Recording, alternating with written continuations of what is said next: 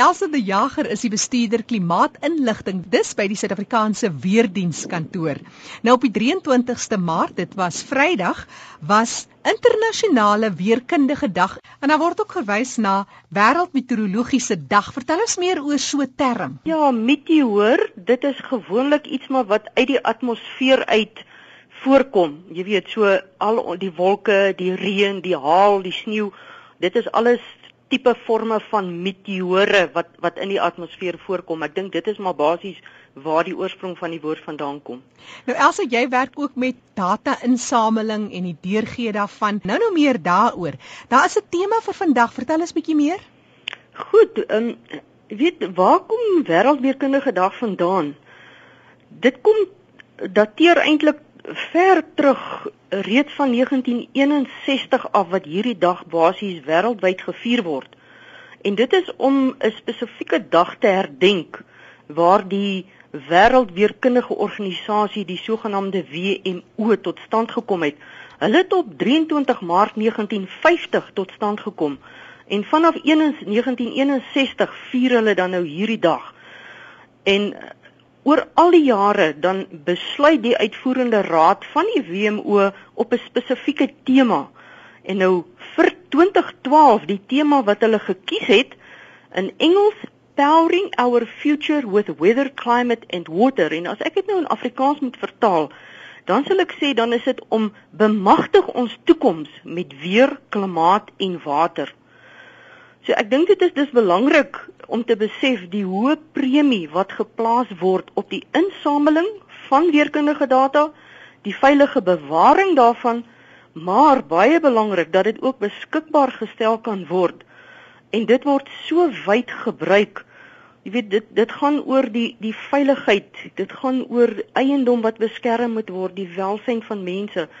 So daar's regtig 'n wye toepassingsveld in terme van klimaatdata wat wêreldwyd ingesamel word, maar dit dit moet beskikbaar wees vir die mense daar buitekant om dit te kan gebruik. Hmm. Nou jy verwys nou na die tema en jy praat van weer klimaat en dan ook water. Ons het ook Waterweek die afgelope week gevier, uh, of dan ook internasionale waterdag op die 22ste Maart. Maar as jy praat van weer en klimaat, hoe sou jy die twee ehm um, tog dat daar 'n verskil tussen die twee, tussen weer en klimaat vir die leek, wat sou jy sê? Goed, weer is die toestand soos wat dit nou op hierdie spesifieke oomblik op 'n spesifieke plek is.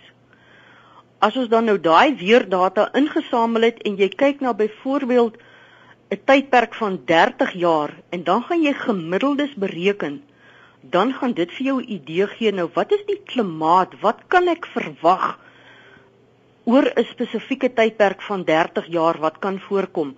En dan werk jy uit wat is die gemiddelde temperatuur, wat is byvoorbeeld 'n totale reënval vir die maand of 'n totale reënval vir die jaar wat jy kan verwag en in terme van die langer tydperk 30 jaar of meer dit is hoe jy dan by die klimaat van 'n plek uitkom Interessant. Nou Elsa, hierdie week het julle ook gefokus baie op aktiewe weerwaakdiens. Jy weet waar julle waarskuwings en so meer uitstuur vir mense. Vertel ons meer. Ons het verskeie plekke besoek waar hulle dan nou bietjie bekendstelling gedoen het van ons weerwaakdiens. Nou weet die mense hoor oor die radio en hulle sien op die TV en dan sien hulle maar hier is 'n 'n waarskuwing wat gegee word. Nou daar's verskillende vlakke van waarskuwings. Jy kry byvoorbeeld net eers 'n weeradvies. So dit is 'n berig wat vir ons 'n vroeë waarskuwing gee van iets wat potensieel gevaarlik kan wees soos wat dit oor die volgende 2 tot 6 dae kan ontwikkel en dan kan voorkom. As dit nou die volgende vlak gaan na die weerwaakberig, dan sê ons vir hulle hoorie maar jy moet nou eh, dink om jouself te begin te voorberei want binne die volgende 1 tot 3 dae is daar 'n redelike goeie kans dat daar ongunstige weerstoestande sal kan voorkom. Maar sodra ons dan nou kom by die laaste vlak, die weerwaarskuwing, dan sê ons luister jy maar nou moet jy begin te aksie neem want binne die volgende 24 uur is daar 'n definitiewe kans dat iets kan gebeur. Nou goed, wa waaroor waarsku die die weerdiens? Ons waarsku byvoorbeeld oor buitengewone warm toestande.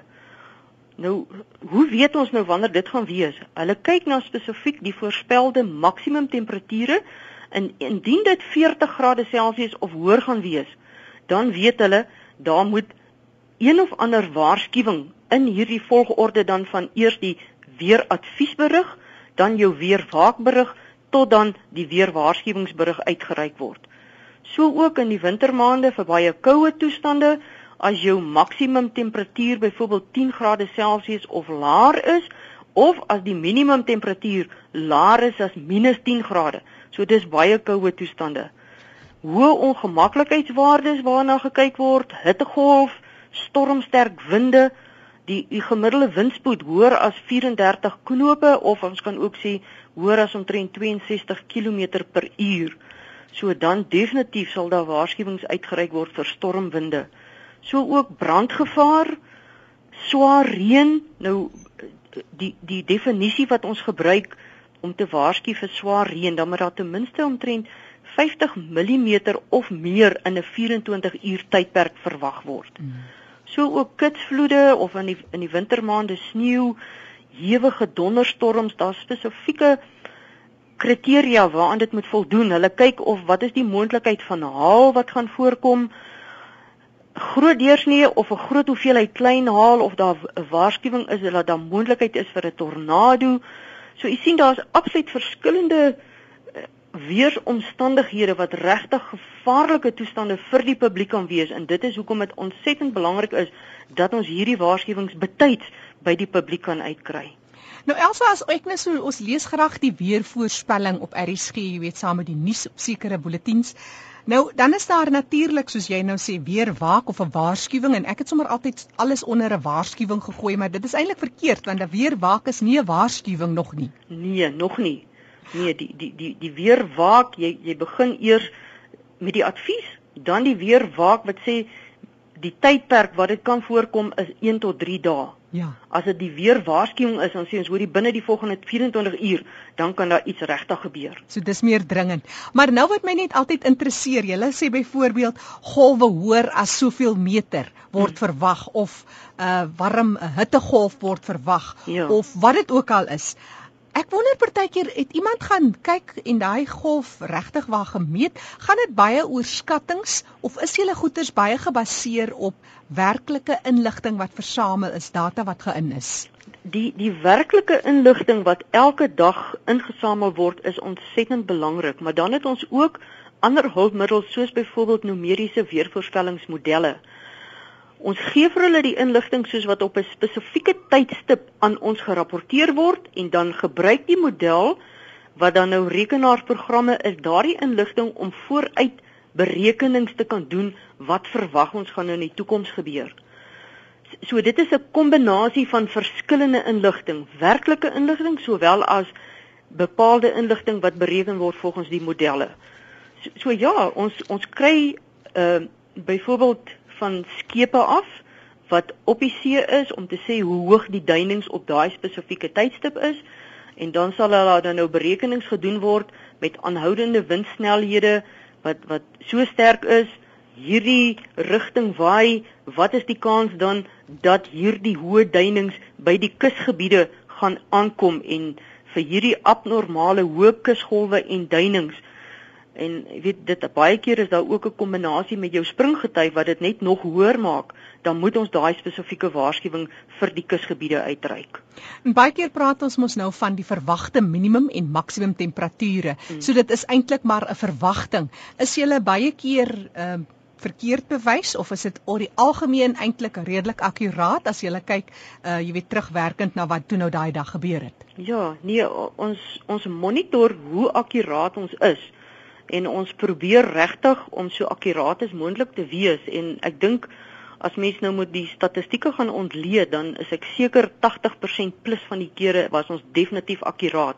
Maar jy kry die uitsonderings wat die jy weet die die weer laat hom nie in toom hou die deur enige iets of deur enige iemand nie. Mhm. So dit kan baie skielik verander en en net as gevolg van hierdie kort tydskaal wat dit kan verander dan kan daar dalk 'n maksimum of 'n minimum temperatuur wees wat wat buite 'n sekere perk val, sê nou maar hy's dalk 2 grade uit van in terme van wat ons verwag het en dan sal ons sê goed, maar maar daai een was nie so akkuraat gewees as wat ons graag dit wou gehad het nie. Maar ek dink oor die algemeen regtig veral op die kort tydskaal soos wat gaan môre en in die volgende 3 dae gebeur, is ons voorspellings regtig baie akkuraat. Elsa de Jager is bestuurder klimaatinligting by die Suid-Afrikaanse Weerdiens en sy het meer vir ons vertel oor die interessanthede van die weer, oor die advies, weerwaak en 'n weerwaarskuwing. Nou weet ons almal. Elsa vir mense wat bietjie meer wil oplees oor wat jy doen, gee bietjie vir ons daai besonderhede. Ja, dit is die Suid-Afrikaanse Weerdiens se webtuiste www.weathersa.co.za En op daardie uh, webtuiste is daar ook verskillende telefoonnommers afhangende van waar die luisteraars is in watter streek as hulle byvoorbeeld Kaapstad wil kontak of as hulle Bloemfontein of Pretoria wil kontak. So al hierdie inligting is definitief op ons webtuiste beskikbaar. Gee gou weer daai webtuiste? www.weathersa.co.za. Die stem daarvan Elsə die Jager, sy's bestuurder klimaatsinligting by die Suid-Afrikaanse Weerdienste kantoor. Op die 23ste Maart was internasionale weerkundige dag.